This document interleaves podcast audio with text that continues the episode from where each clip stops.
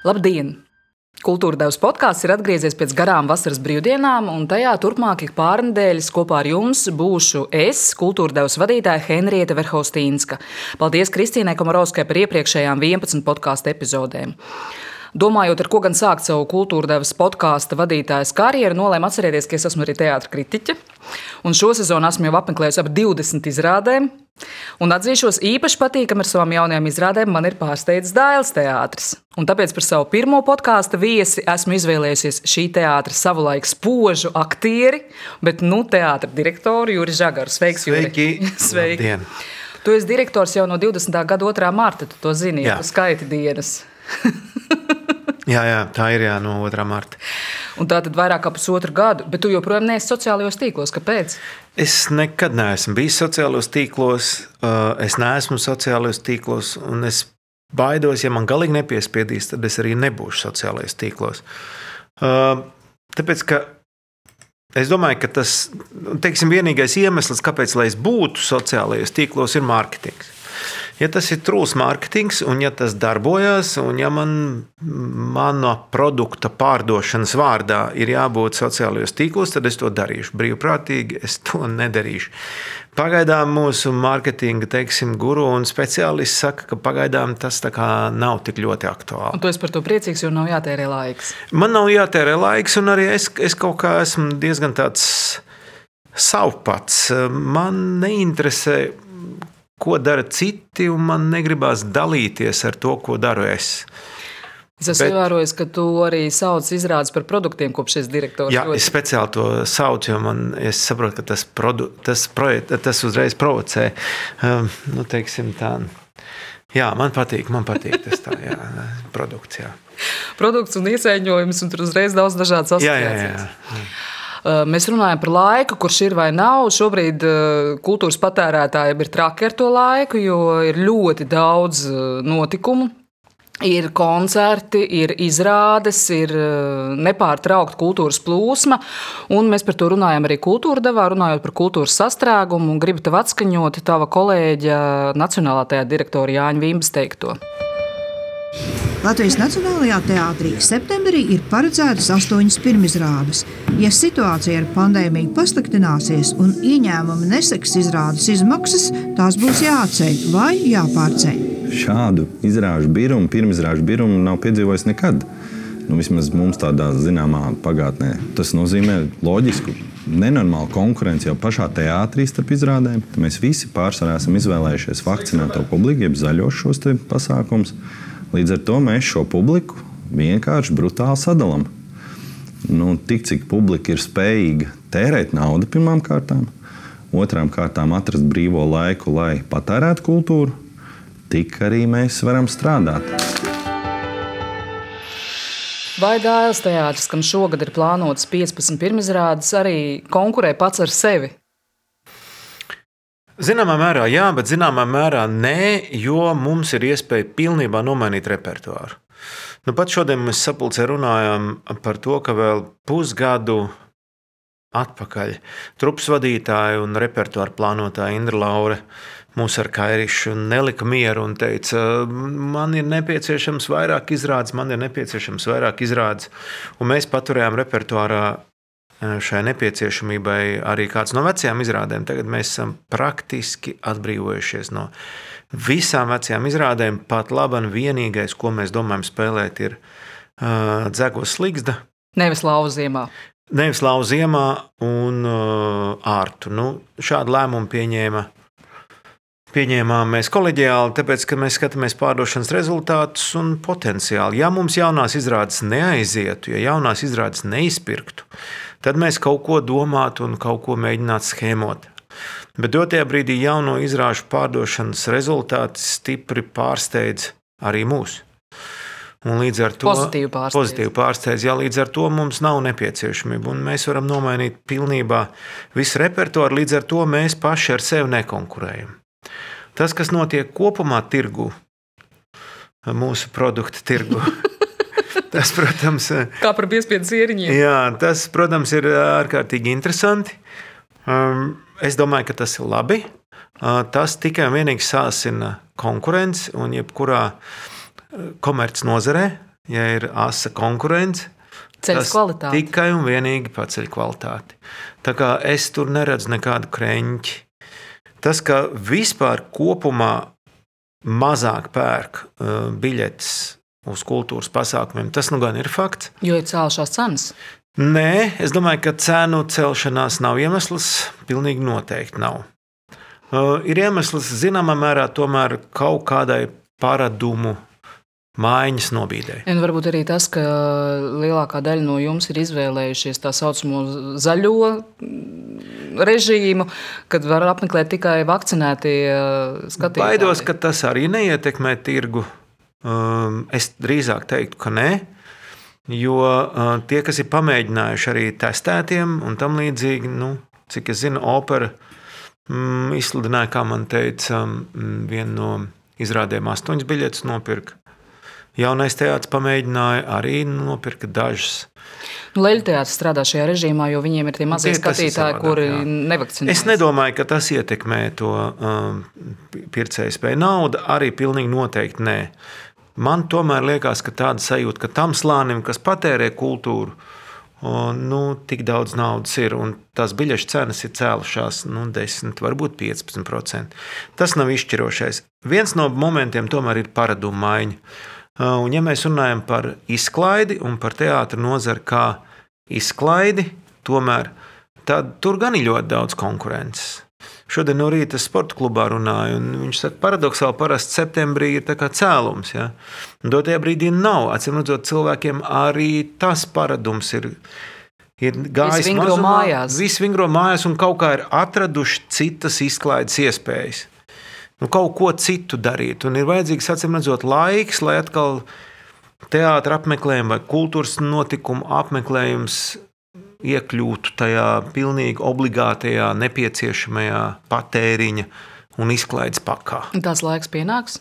Es domāju, ka pienāks, jo nu, mēs jau tomēr esam mm, spējīgi sevi replikot un savus paradumus nu, mēs kaut kā atkārtojam. Agri vai vēl tas tā pienāks. Es domāju, ka tas nu gan tā pienāks.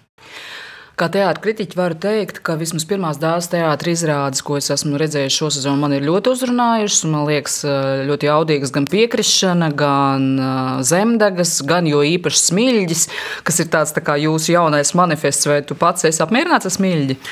Es jau smilģi, kad pirmoreiz noskatījos, kad viesturs uztaisīja novembrī. Es eh, starpbrīdī mm, bļaustījos viesturu, tu esi ģēnijs. Es divreiz viņam esmu kliedzis to vienreiz, kad viņš uztaisīja Zigfrīda operā.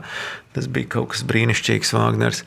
Un, un mēs ar viņu viesturu esam daudz strādājuši arī Cēzus festivālā un tam līdzīgi. Kādreiz vienkārši viņam vēlnišķīgi labi sanāk.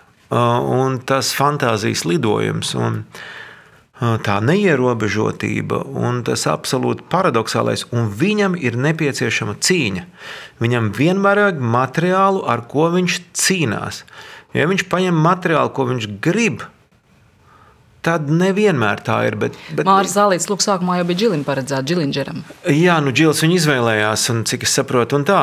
Bet tā bija neapšaubāma cīņa. Tā bija arī Mārai cīņa.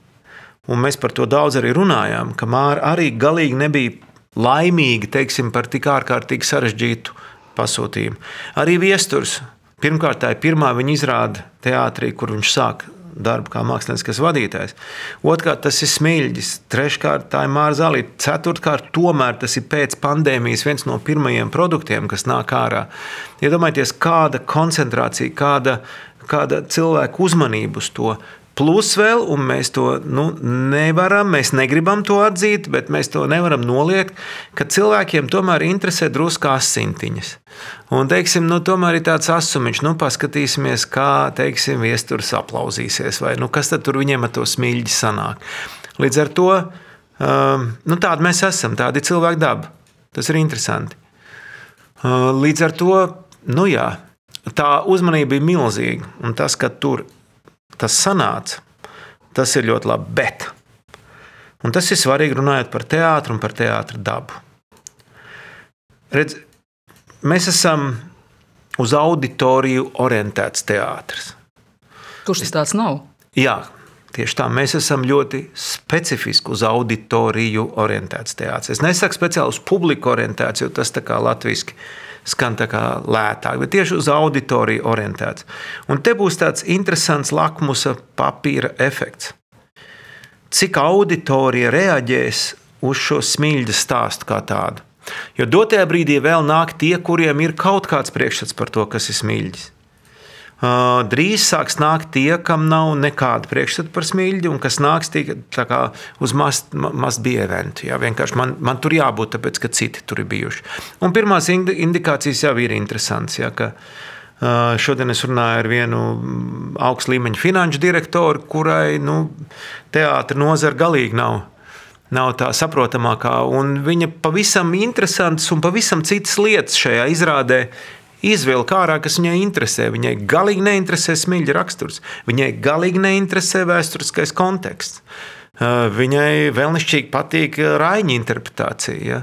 Nu, līdz ar to tur būs ārkārtīgi daudz vielas pētījumam attiecībā uz. Bet tā bija gara atbilde uz jautājumu, vai man pašam smilģis patīk. Jā, man ļoti patīk. Un, un es uzskatu, ka šis risinājums ar sešiem smilģiem ir tiešām ģeniāls. Jā, man tāds arī šķita ļoti iespaidīgs risinājums, un arī Rainītas sievas seglīnas brīnišķīgā izpildījumā arī bija absolūti lielisks un šarmants. Un īstenībā tagad grūti iztēloties citu Rainīti pēc šī. Jā. Mēs zinām, ka Latvijā ir diezgan daudz teātru, kuru direktori, būdami ar teātrālu izglītību, iztiek bez mākslinieciskiem vadītājiem. Ir mums Herberts Laukštēns Liepājā, ir Jānis Vimba Nacionālajā teātrī, Revits Niedz Valmieras drāmas teātrī. Tev tomēr bija nepieciešams viesturs Kairišs. Tu jau startēji di direktoru konkursā ar viesturu Kairišu kā tādu trumpi piedurknē. Kāpēc? Kāpēc tu pats negribēji uzņemties šo vadību? Tāpēc, ka um, es esmu biznesa cilvēks. Nu, kāds par biznesa nu, cilvēks? Labi. Un es esmu arī aktieris. Es saprotu šos divus procesus un saprotu līdz kaulam. Līdz ar to es pat nespēju iedomāties, tad, kad tu vadi uzņēmumu, un teātris ir uzņēmums, viss ir atkarīgs no asetiem, no darba spēka. Tev ir jābūt speciālistiem. Tev ir jābūt pilotiem. Nu, bet tu jau esi speciālists. Jā, bet ar to nepietiek. Es esmu aktieris. Es esmu aktieris, tikai aktieris. Un es tāpēc nedomāju, ka aktieru profesija ir tas pats, kas režisora profesija. Nu, tās ir pilnīgi divas dažādas lietas. Es neesmu mācījies režisora profesiju, man nav pieredzes režijā. Kaut gan tu esi atjaunojis pīķa dāmu pēc tas ir ok. Tas ir, tas ir amatnieka darbs. Tu vienkārši atkārto un to saproti. Es varu ļoti precīzi aktieriem dot savus feedback un komentārus par to, nu, balstoties savā pieredzē.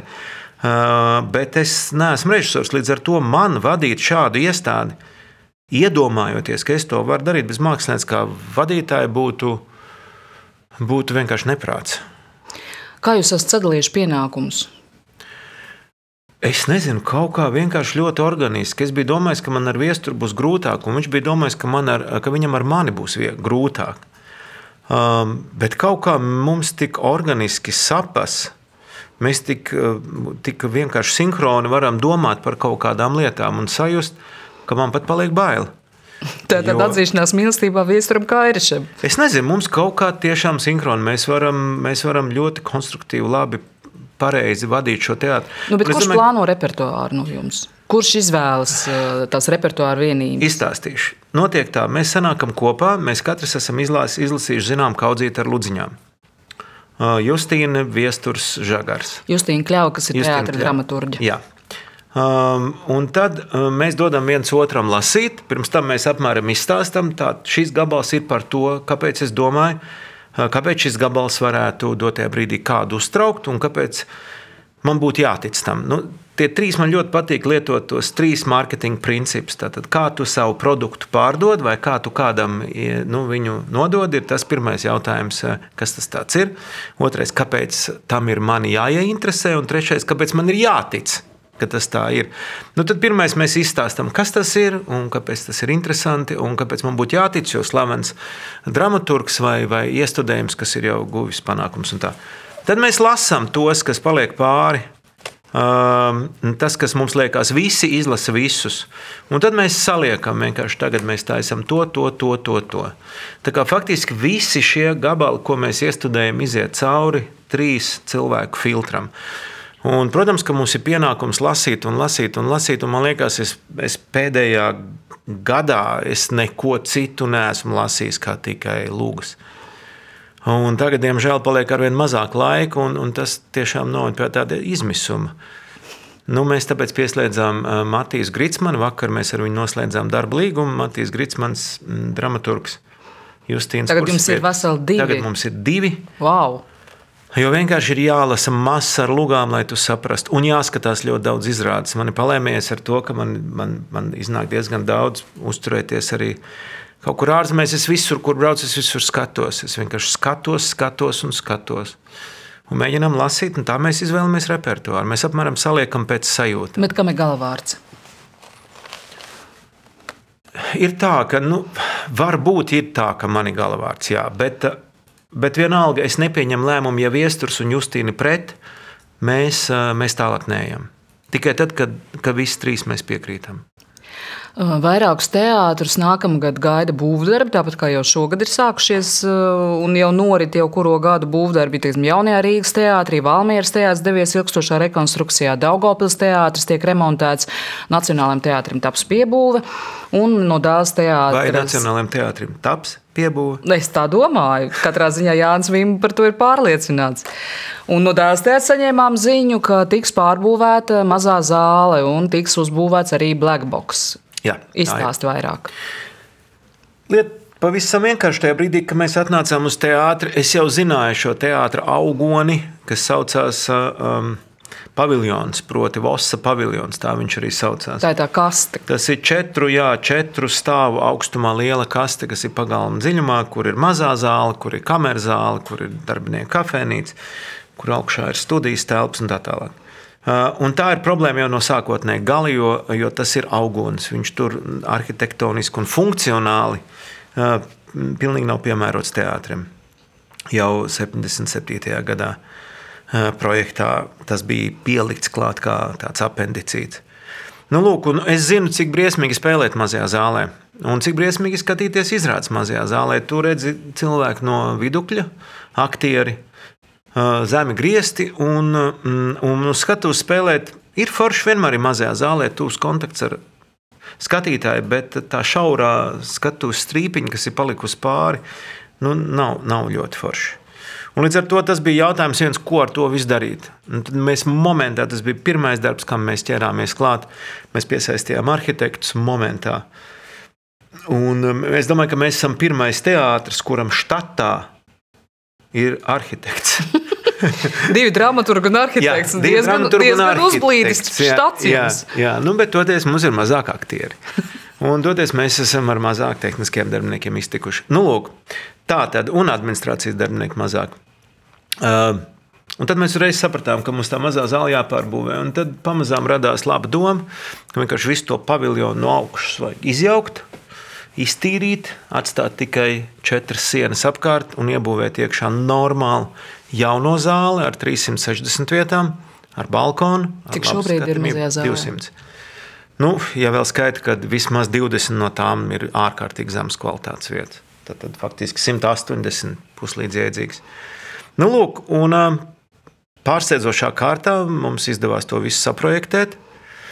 Un izdevās dabūt būvatļauju, un tagad viss ir kārtībā, un pat naudas nav tik lielas. Tātad tieši to pašu, ko Nacionālais teātris var panākt ar 20, 30 vai pat 50 miljoniem, mēs varam dabūt gatavu pat diviem, maksimums pat trim. Un tas ir ļoti labi ziņa.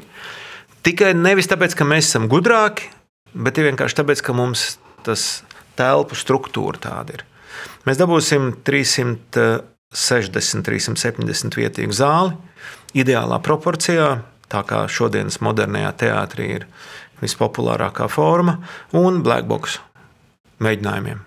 Blackbox ir eh, teātris, eh, teātris zāle ar melnām sienām, melniem griestiem, kurā ir ļoti izdevīgi spēlēt visdažādākās, eh, visdažādākās žanra izrādes. Jā, bet varbūt ne tik daudz spēlēt. Šajā gadījumā tas, tā būs mēģinājuma zāle, mm. vairāk mēģinājuma zāle. Jo um, es to noskatījos Londonas Nacionālajā teātrī. Es diezgan daudz pirms, pirms, pirms dārzs teātris, diezgan daudz pētīju tieši šo teātri. Jo viņš ir ļoti līdzīgs mūsu teātrim. Gan, gan celtniecības laiks, gan, gan teiksim, tā kopīgā struktūra un tam līdzīgi. Un uh, Olivija toreiz, kad viņš, viņš projektēja viņu, tad uh, viņam bija pilnīgi skaidrs, ka mēģinājuma zāles izmēram jābūt viens pret vienu ar skatuvi. Jo kas ir visdārgākais teātrī? Nespēlēt izrādi. Ja mēs nespēlējam vienu vakaru uz lielās zāles skatuves izrādi, mēs zaudējam no 12 līdz 15 tūkstošiem eiro. Iedomājieties, kāda tā ir nauda. Savukārt izrādi nevar izlaist, ja viņa netiek mēģināta, vismaz pēdējos ģenerāla mēģinājumus uz lielās skatuves. Ja tev ir mēģinājuma zāle, kura ir viens pret vienu ar lielo skatuvi, tad faktiski tu izrādi pilnās dekorācijās, ar visu choreogrāfiju, ar visām kustībām, ar pareizajām mizanscēnām. Tu vari izmēģināt ļoti tuvu pēdējiem ģenerāla mēģinājumam, un teātri aizslēgt ciet vai lielo skatu aizslēgt ciet tikai uz trijām vai četrām dienām. Nacionālais Londonā Nacionālais teātris slēdz ciet uz trim dienām. Tātad jau pirmajā ģenerāla mēģinājumā, kad izrāda ir uz lielās skatuves, sēž zālē publika. Mm, tāpat kā jums. Tāpat kā mums. Nu, tu esi ne tikai dārzs direktors, tu tomēr esi arī aktieris. Saka, lūdzu, vai tu joprojām filmējies TV seriālā Bezvēsts pazudušās? Bezvēsts pazudušās mēs pabeidzām šajā vasarā. Um, teātrī, ja mēs noņemsim artu, un iespējams, ka mēs noņemsim, skatīsimies, kā mums iet pagaidām, kā biļetes pērk, bet skatīsimies, kas notiks tālāk. Uh, um, tad iespējams, ka teātrī man arī vairāk nebūs ko spēlēt. Kā tas lauva ziemā? Lauva ziemā mēs jau noņēmām. Jau noņēmāt. Jā. Um, jo ir ārkārtīgi grūti reanimēt tādu lielu izrādi. Uh, un es nemelošu, protams, man personiski sāpīgi. Vienmēr, jebkuram aktierim ir sāpīgi, kad viņš atvadās no lomas. Nu, tas ir normāli, tas ir normāls process. Bet nu, šajā gadījumā tomēr jādomā vairāk par teātri nekā, nekā par kaut kādām savām sajūtiņām un emocijām. Mēs zinām, ka tu filmējies arī Netflix seriālā. Pastāstīsi? Jā, tāds darbs man bija, un uh, man kaut kā tā brīnojami veiksmīgi sakrīt, ka viņš bija tieši tajā brīdī, kad teātris bija slēgts. Cikot, viss tāpat strādāja attālināti. Nu, man bija vienalga, vai es strādāju no Madrides vai strādāju no, no Rīgas. Jā, tā man jau, jau tad, kad es sapratu, ka pirms kādiem trim gadiem, kad, es, um, kad man pieņēma Londonā Simon Howe aktieru aģentūrā, man bija doma tāda, ka es vispār pārvāktos uz Londonu un vismaz gadu, divus mācītos. Um, mācītos režiju un paralēli piehalturēt filmās, teiksim, tur uz vietas. Darba tur diezgan daudz, teiksim, tā tu vari salasīt darbu daudz. Nu, mana tipa aktieris ar, ar, ar angļu valodas zināšanām un, un pat ar akcentu. Tur viss ir kārtībā. Bet tev jābūt uz vietas Londonā visu laiku. Un tad kaut kā sagriezās viss ar, ar, ar teātros vadības maiņu, un tad es pieteicos uz valdi. Bet es paliku tajā aģentūrā, un, un tajā brīdī, protams, tu visu laiku regulāri piedalies kaut kādos castingos. Tu pat esi aizmirsis, kur tu esi kaut kādā castingā piedalījies. Bet tas ir tavs pienākums piedalīties tajos castingos. Nu, un beigās izlaiž ārā Netflix. Viņi man saka, te ir Netflix seriāls, viņi tev grib, amerikāņi tev grib. Viņi tev ir izvēlējušies, un es saku, nē, nu man ir tagad darbiņš, es nevarēšu. Viņi saka, nē, nu, tas nav nopietni. Kas... Bet tas ir jocīgs. Vai? Jā, vispār kas, kas te tagad mums notiek. Un man vēl bija jāspēlē izrādes, un tas bija tik aizkustinoši, kad es viņiem rakstu, nē, nu, man ir tad un tad un tad vēl izrādes. Un viņi saka, pagaidiet, kas? Es saku, teātrī izrādes. Paga, kur? nu, viņiem tas nav saprotams, ka teātrī tev var būt kaut kādas izrādes. Ja? Un es vienkārši atteicos. Es teicu, nē, es nevaru. Viņi man saka, we are pulling you out. Tāpēc, ka nu, viņi nevar strādāt ar aktieru, kurš strādā teātrī. Tas nav, nav profesionāls. Es teicu, nu, neko nevar darīt. Un otrā arī tās no atnāk mēls no Amerikas, ka producenti tomēr ir izvēlējušies, ka nu, mainīt kaut kā to filmēšanas grafiku. Un, pieskaņoties man tām izrādēm un nofilmēt. Pēc tam iestājās Covid, sāk filmēt, iestājās Covid, un tagad šogad pēkšņi zvans no Londonas, un viņi visi sāk no jauna. 15 filmēšanas dienas, bet es pavadīju Madridē 3,5 mēnešus. Tāpēc, ka vienkārši Covid. Tāpēc, ka man nebija jēgas braukt mājās, atbraucot mājās, es desmit dienas sēžu karantīnā.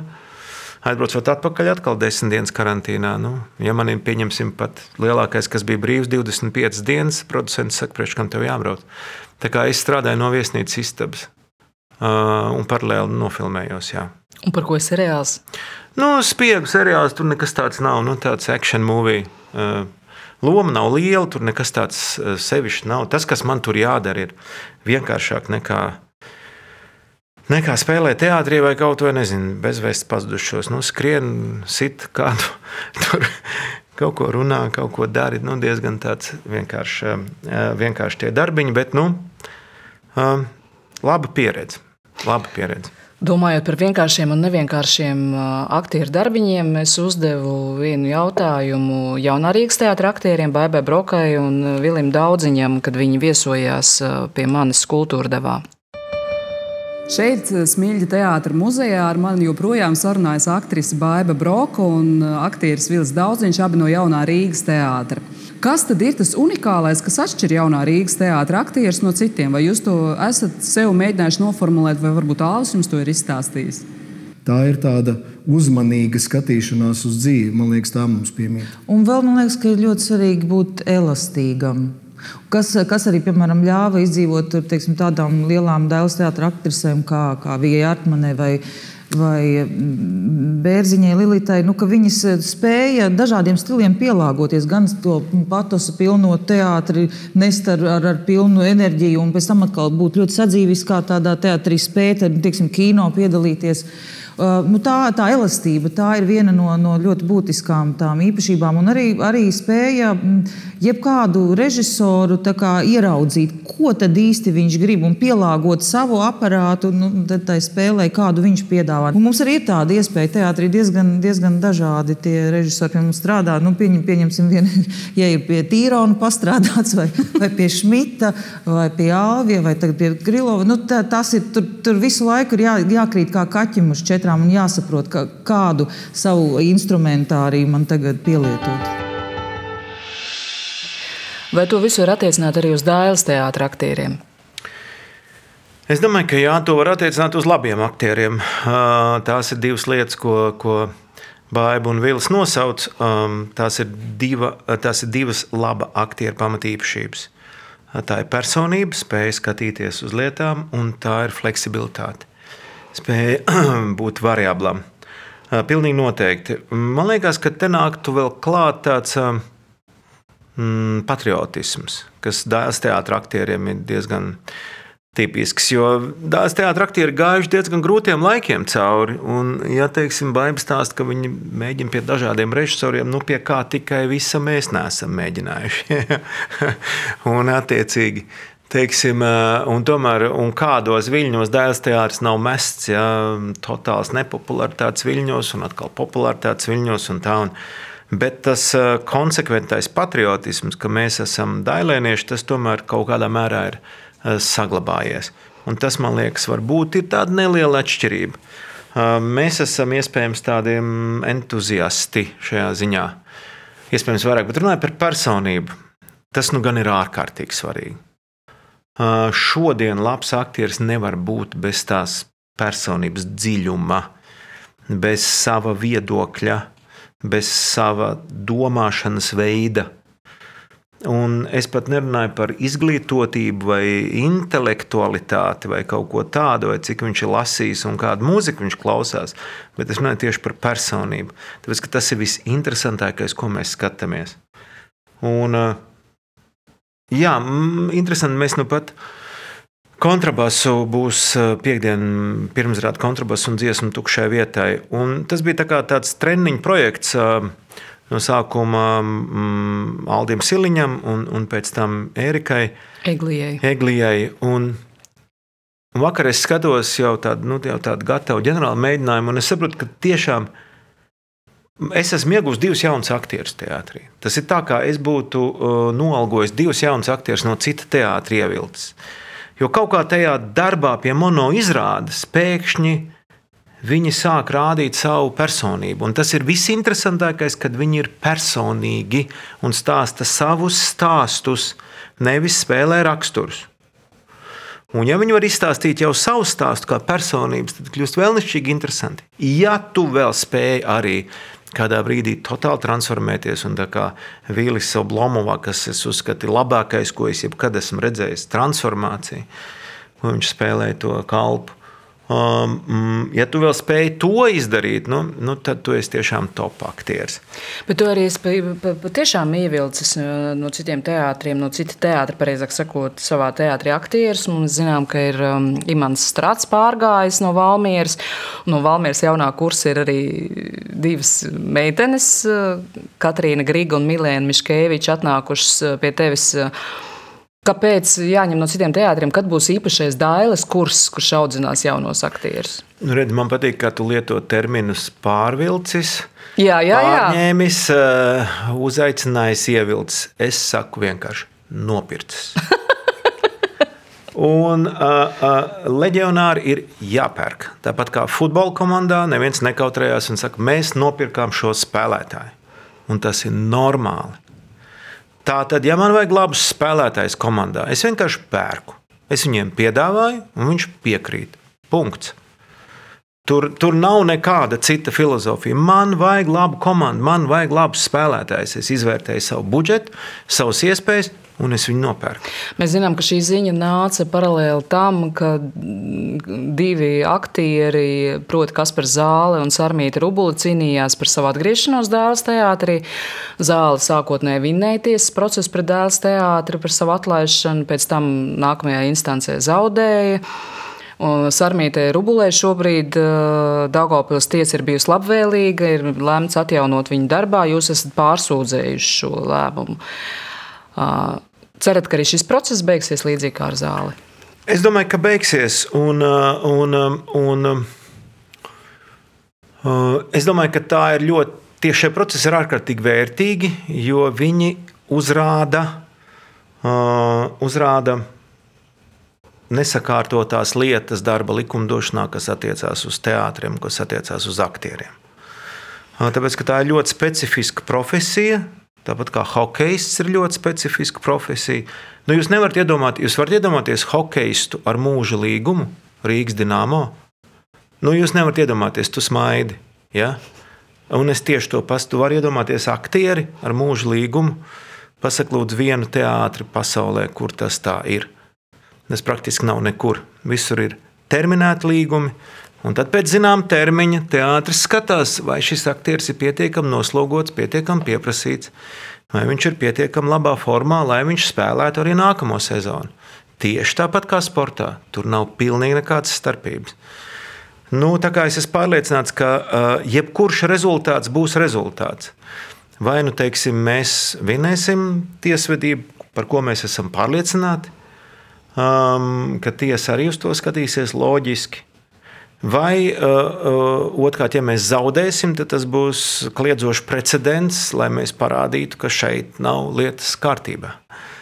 Bet Cermīta Rubula ir liekas, arī īpašs gadījums, jo, ja Kaspars Zāle savukārt tika tiešām pārpirkts no Valmēras teātra, arī, arī dzan, un, diemžēl viņa aktieriskais liktenis varbūt neizveidojās tik labvēlīgs, tad Cermīta ir kauls no dāļas kaula. Viņa ir beigusi to pašu kursu, ko subatnieks Zelzītis, eh, Rešetins un tevis minētais Aldis Siliņš.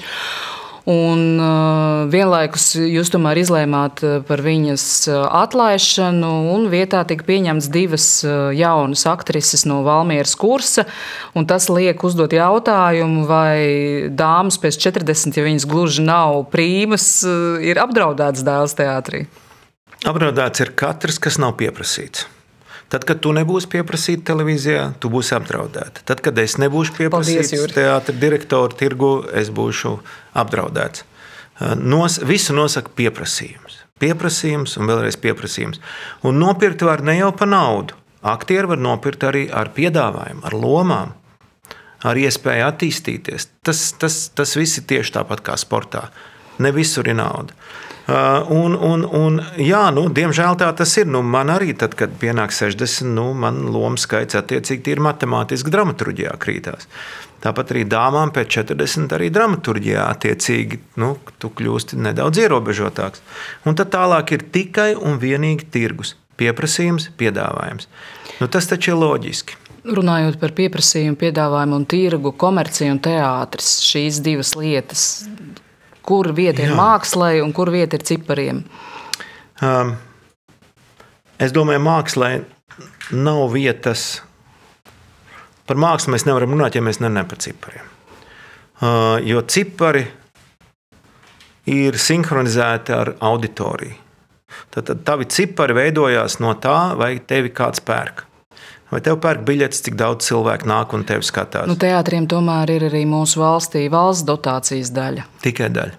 Diemžēl tikai daļa. Paldies Dievam, ka ir. Citur nav, citās valstīs nav. Vai ir ļoti, ļoti maz. Mums ir, un tas ir ļoti labi. Nerunāsim par Ameriku, kur vispār nevienam nav nekā. Uh, bet, uh, bet jā, un līdz ar to teiksim, mēs nevaram runāt atrauti teātra kontekstā, manuprāt, šī žanra specifiskā kontekstā par mākslu, nerunājot par to, par lietotāju. Tā tad attiecīgi par naudu, par komerciju. Teātris notiek tad, kad kāds to skatās, nevis tad, kad viņš tiek radīts. Un tā, man liekas, ir tā, tā lielākā starpība. Tāpēc man vienmēr patīk šis izmērāmais lielums, cik daudz cilvēki tevi skatās. Un man patīk vienmēr tā tēze, ka um, tu nevari teikt, ka tev ir laba izrāde, ja tu izrādi nepērk. Tas nenozīmē, ka izrādi, ja izrādi pērk, ka tā ir laba izrāde. Protams, bet otrādi - tu nevari teikt, skatītāji ļoti, klausītāji ļoti samulst šī brīdī. Klausies, jau man ir labi izrādi, ja? man ir labi izrādi, nu, diemžēl nepērk. Nu, Atcīm redzot, pa agru laikā vai, teiksim, tur kaut ko. Nē, tas ir blefs. Tas nenozīmē, ka tā ir laba izrāde. Teātris ir tad, kad to skatās. Un tāpēc man liekas, ka, tajā, ka mūsu tajā postpadomu telpā es nekur citur neesmu dzirdējis tādu intonāciju, ka, teiksim, nekomerciāls teātris ir a priori labs teātris. Un tā kā teiksim, nekad nerunā. Ja, ja tas ir nekomerciāls teātris, tad viņš automātiski ieiet tajā plauktiņā, kur mēs runājam par mākslu, un kur mēs runājam par labu teātru un tam līdzīgi. Un tas man liekas, ir aplami. Jo teātris principā nevar būt nekomerciāls. Nekomerciāls teātris ir teātris pašam sev savam priekam. Ja kāds par to maksā, tas ir ļoti forši. Bet, ja par to maksā um, nezinu, valsts vai cilvēki ar savām biļetēm, nu, tad viņš nevar būt principā nekomerciāls. Tas nozīmē, ka nu, nevar ignorēt faktu, cik daudz cilvēku atnāk un tevi apskatās. Tu minēji par uh, draudiem, uh, ko rada tirgus jebkuram aktierim un arī teātris direktoram. Dēls teātris direktoriem, kā mēs zinām, līdz šim lielākos draudus ir radījis uh, paši dēls teātris kolektīvs. Jo reti kurš direktors un mākslinieckais vadītājs ir brīvprātīgi devušies prom no šiem amatiem. Lielākoties tas ir noticis kaut kādas šūmēšanās rezultātā. Vai tevi tas biedē, vai tu esi tam gatavs, ka tā varētu notikt arī ar tevi? Man būtu jābūt pilnīgam idiotam, lai es nebūtu gatavs uh, kaut kādām turbulencēm un, un tam līdzīgi, un, un, un lai es būtu pārliecināts, ka es šajā amatā nostrādāšu uh, mūžu. Tas ir pirmkārt. Otrkārt, šis ir ļoti labs jautājums. Aktieru apmierinātība. Un, zin, tā kā uzņēmumā, kad tu pārņem firmu, teiksim, uzņēmumu, tu uzliec sev kaut kādu mērķi un visas tavas aktivitātes, tu salāgo, vai šī aktivitāte, ko tu dari, palīdz tev sasniegt šo konkrēto mērķi. Un tikai tā tu vari vadīt uzņēmumu. Un tad ļoti paradoxālā veidā es vienā dienā sapratu, ka var būt, un tas būs paradoxāli, ko es tagad teikšu, un, un ja to iz, izņems ārā no konteksta, tad nojauks vispār jēga. Proti, mērķis teātrim var būt aktieru apmierinātība vai cik aktieris pelna. Un iesim tālāk. Ja aktieris daudz pelna, tas nozīmē, ka tu esi labs teātris. Tu nevari daudz pelnīt ar sliktu repertuāru. Latvijā tas nav iespējams. Iespējams, kaut kur citur varbūt, nezinu. Latvijā tas nav iespējams. Latvijā ir izglītots skatītājs. Tātad tu nevari ar lētu, sliktu repertuāru daudz pelnīt. Tu vari pelnīt ar labu repertuāru. Tātad, lai aktieris labi pelnītu, tev vajag labu repertuāru. Un varbūt psihoterapeitu un psihoterapeiti. Un līdz ar to teiksim, tas, ta, tas ir viens no kritērijiem - aktieru apmierinātība ar vietu, kur viņi strādā. Tas ir atalgojums, un tās ir lomas, un tas ir teātris prestižs, teātris reputācija. Šie trīs faktori ir ārkārtīgi svarīgi. Ja es kā vadītājs to varu noturēt, Jo aktieru algas savukārt ir ārkārtīgi ciešā sasaistē ar visu pārējā kolektīva algām. Nu, līdz ar to tas viss ir sasiets vienā, vienā ķēdītē. Un tas atbildi ir ļoti vienkārši. Ja tu pareizi strādā teātrī, tad aktieri ir laimīgi. Un tomēr tu biji tajā intervijā vienā izteicies par to, ka vajag to psihoterapeitu teātrī, un ka tu to saprati, ka tev varbūt pietrūks šis. Tā zināšanas. ir mana lielākā problēma. Jā. Tā ir mana lielākā problēma. Es zinu, tā ir blakne, ko es vienkārši nesaprotu. Un, uh, un, un Bet kas, ir, kas tieši? Es kaut kā. Es, um, nu, tas ir tā. Nu, mm, es mēģināšu piemēru no ģimenes. Okay? Uh, teiksim, uh, um, Man sieva taisa kaut kādu tracu mājās. Ja? Grūti iztēloties, kā nu, tas ir. Nu, labi, bet vienalga, nu, tā ir trats par to, ka, teiksim, es nezinu, es neesmu pārkingu uzlicis mašīnai vai kaut kas tamlīdzīgs un tamlīdzīgs. Un, tam līdzīgs. un es eh, vai nevaru noparkot mašīnu vai kaut kas tamlīdzīgs. Un es uzreiz risinu problēmu. Es saku, ok, tu nevari nopirkt mašīnu, tāpēc, ka tāpēc, ka tāpēc. Okay, es mēs mainām mašīnu. Es zvanu tam, es laboju tur to un to, tur indikatoru un tam līdzīgi. Un viņi joprojām ir dusmīgi un skaišās. Un beigās saka, es saku, ok, labi, ko tad tu gribi? Tad mēs nemainām mašīnu, tad mēs pērkam citu pārkingu vai ko mēs darām. Un joprojām ir tracis. Beigās viņi nevar izturēt un saka, man nevajag, lai tu risinātu problēmu. Man vajag, lai tu uzklausītu manas emocijas, jo es esmu dusmīga principā un es dotajā brīdī to izgāžu uz pārkingu.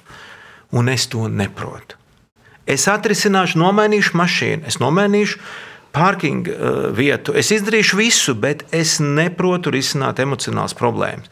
Un tad, kad kāds pie manis atnāk ar problēmu, es momentā slēdzu klāt risinājumu. Savukārt, bieži cilvēkiem vajag tikai parunāties, un to nu gan es neprotu.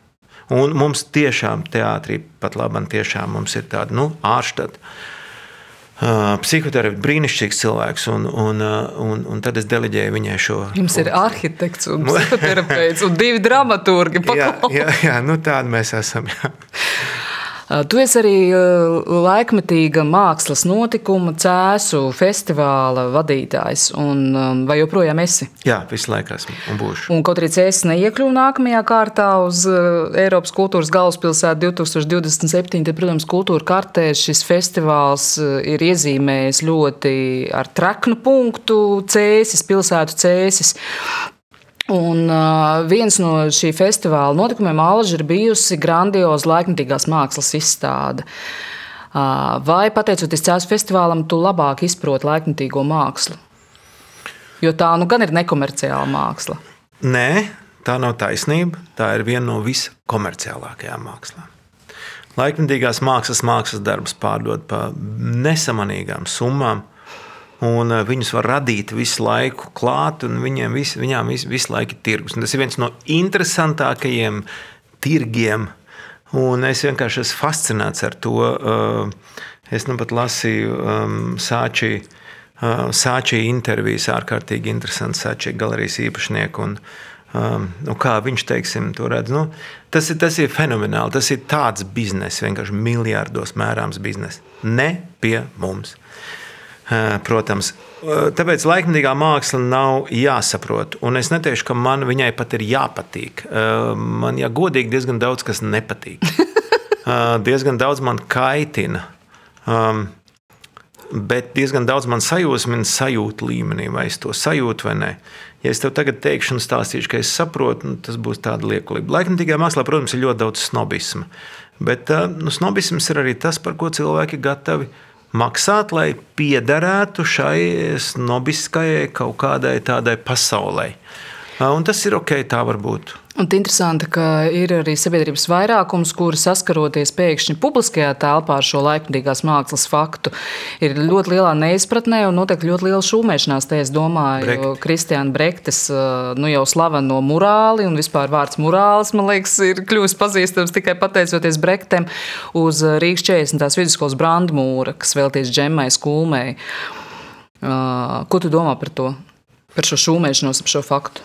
Nu, jā, nu, tā, tā šūmēšanās un tā bilde, kas tur ir, nu, absolūti, nu, tas ir, protams, pilnīgs sviests. Ja? Kā vispār tāda šūmēšanās var notikt. Es domāju, tas tiešām var notikt kaut kā pie mums. Bet es domāju, ka te ir izglītības sistēmas problēmas kardināli kopumā. Tas ir. Um, Nu, iespējams, kaut kāda vecišķa domāšana. Nu, iespējams, ka tas ir saistīts arī ar. Jo to šķūmēšanos jau dara ne jau skolnieki, to jau dara skolotāji un, un viņu vecāki.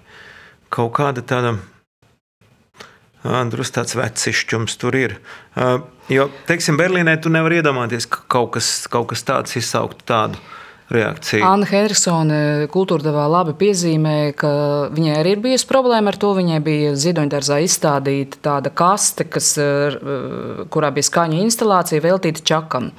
Un iedzīvotāji sāka vākt parakstus, lai aizvāc šo kasti un lai aizvāc šo skaņu, jo viņus besīja tā skaņa, ka tur nāk kaut kāds dzējs. Un, um, Viņa teica, ka vairums sabiedrības labprāt gribētu, lai mākslinieki sēž savā galerijās un izstāžu zālēs un nelien ārā un nenāk viņiem priekšā, un tad viņi ir gatavi paciest, ka jā, kaut kur tur ir tā laikmatīgā māksla, bet lai mums nav ar to uh, nekāda saskara. Un šeit, starp citu, es gribu tev atskaņot fragment arī no kultūra devas, ko Kristians Brekts stāstīja par vienu citu savu darbu. Man ir ļoti viens labs stāsts. Man bija arī arsenālā grupu izstāde. Tā, tie nebija negantnieki, gan un, un, un, un kāds bija nu, tā kārtīgi uzspļāvis uz tā darba. Pēc izstādes to darbu, oh, nu, un, un es nebiju dusmīgs. Es, es, es nebiju arī pārsteigts. Es, es, es īstenībā biju diezgan nu, nu, priecīgs par to, ka, ka tad, mans darbs eh, cilvēkā ir izraisījis tādas emocijas, eh, ka viņš eh, spēja veikt šo, šo spļāvienu aktu.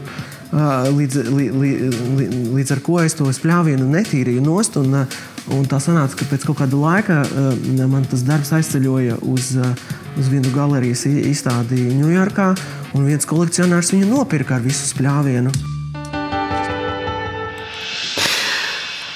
Nu, tā, tas, tad... tas ir, protams. Es domāju, teiksim tā.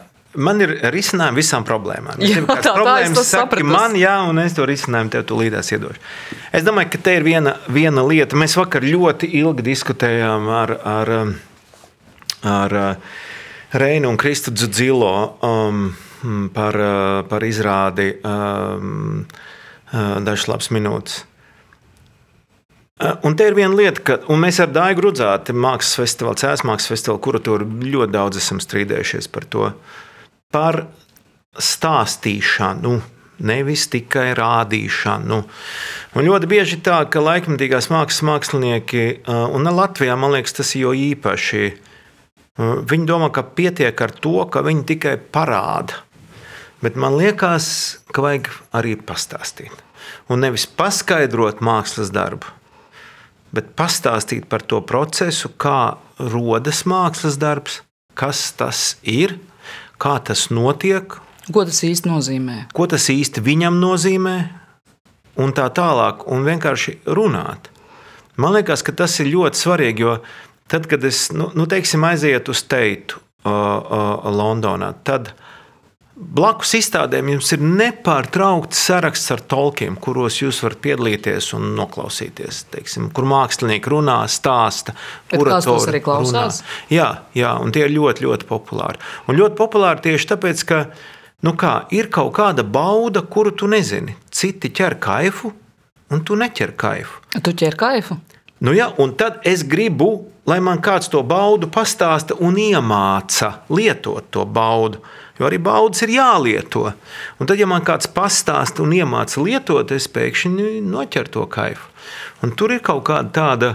Tāda lieta, un attiecībā uz cēlus festivāla izstādēm, es nevaru teikt, ka man vienmēr viss pat patīk. Un reizēm kaitina, bet reizēm vienkārši sajūsmina. Viss izstāda kopumā sajūsmina. Un, un, un redz, cēsīs, pieņemsim, izstādes apmeklējums regulāri ir ļoti ievērojams. Un pat Rīgas monētas ir bijuši kaut kādi tādi precedenti, ka kāds skatītājs par kādu publiski izstādītu mākslas darbu ir nu, tik sašutis, ka raksta vēstules festivāla vadībai. Nē, un žēl. Godīgi sakot, ir žēl, jo tas ir tāds arī tāds pārspīlēts nu, respekts. Nu, tu taču vari pateikt, kas, kas tev nepatīk. Um, man kādreiz liekas, arī. Nu, Brekts murālim uzlēja lilā krāsu. Nu, forši. Viņš jau pats ar kā zināms priecīgs. Jā, jā nu, tas tā var būt. Bet es neesmu no tiem, kas, kas uzskata, ka teiksim, nu, laikam tikai mākslā jābūt kaut kādā augstā plauktā, kurā mēs nevaram toties. Tas ir tikai kaut kādam specifiskam cilvēku slānim, kas ir īpaši izglītoti un iesvaidīti kaut kādā specifiskas baudas lietošanā. Es domāju, ka mākslinieki ar to arī grēko, ka ir jāstāsta stāsts. Un mēs vakar tieši šajā kontekstā runājām par labām minūtēm un ar Dzudzilo var par to, ka Tas ir, ir izrāde. Jā, izrāde, jā, laikmatīgās dēļas izrāde, brīnišķīga izrāde, manuprāt, kurā ir tik daudz kodu un noslēpumu un neskaidrības, ka tikai un vienkārši pastāstot stāstu, šī izrāde būtu vairāk lietojama. Un, un, un teiksim, māksliniekam nevienmēr to gribās, un viņiem gribās palikt tādā, nu, tādā noslēpuma plīvurā. Nē, nē, mēs neko negribam stāstīt. Viņiem bieži arī nav skaidrot. ko teikt, jo viņiem ir izteikušies šajā mākslā. Nu, jā, un tad mēs mēģinām pateikt, ka mēs neko nedomājam nojaukt. Mēs tikai gribam papildināt, jo stāsts ir ārkārtīgi svarīgs. Vienot sakot, laikmatīgajā mākslā man liekas, šis stāsts būtu tā panacēja un tā lieta, kas iemācītu šo baudu vairāk cilvēkiem, un tad iespējams, ka nebūtu tādas lietas. Redz, cik vienkārši tas atrisināja problēmu. Man liekas, ka tas ir brīnišķīgs arī sarunas eh, noslēgums. Varbūt eh, nobeigumā viens jautājums vēl. Kā tu redzi savu nākotni kā aktieris, kā direktors un arī kā cēsu laikmatīgā mākslas festivāla vadītājs? Vēl cīņa zina, godīgi sakot. Es tā kā par to tā kā ļoti nedomāju. Es skatos apmēram 4-5 gadu griezumā. Man jā... Es domāju, ka teiks 4-5 dienu griezumā. Man jānostrādā šie četri gadi, ko es esmu apsolījis nostrādāt, un es gribu nostrādāt. Tad es skatīšos, kādā stāvoklī būs Dānas teātris, kur es viņu būšu ievedis, kā es viņu būšu sakopis. Paralēli es, protams, varu atļauties filmēties, un filmēšos, ja būs labi projekti un labas lomas. Es un spēlēšu citos teātros. es spēlēšu citos, jā, ja man uzaicinās, es varbūt varu atļauties nospēlēt kaut ko citādi. Bet ne dailē. Nē, es domāju, tas nav gaumīgi. Tā es apmēram to redzu. Kas notiek pēc četriem, pieciem gadiem? Uh, Es nezinu, godvārds, es nezinu. Nu, to mēs tad redzēsim. Paldies par šo sarunu. Šo stundu jūs bijāt kopā ar Dāles teātra direktoru Juri Žagaru un mani Henrietu Verhostīnsku un klausījāties Kultūra devas podkāstu. Tiekamies raidījumā Kultūra deva ik svētdienu, pulksten piecos Latvijas TV pirmajā kanālā un Replē LV. Savukārt nākamais Kultūra devas podkāsts jau pēc pāris nedēļām. Lai jums dzīvē daudz kultūras! Paldies!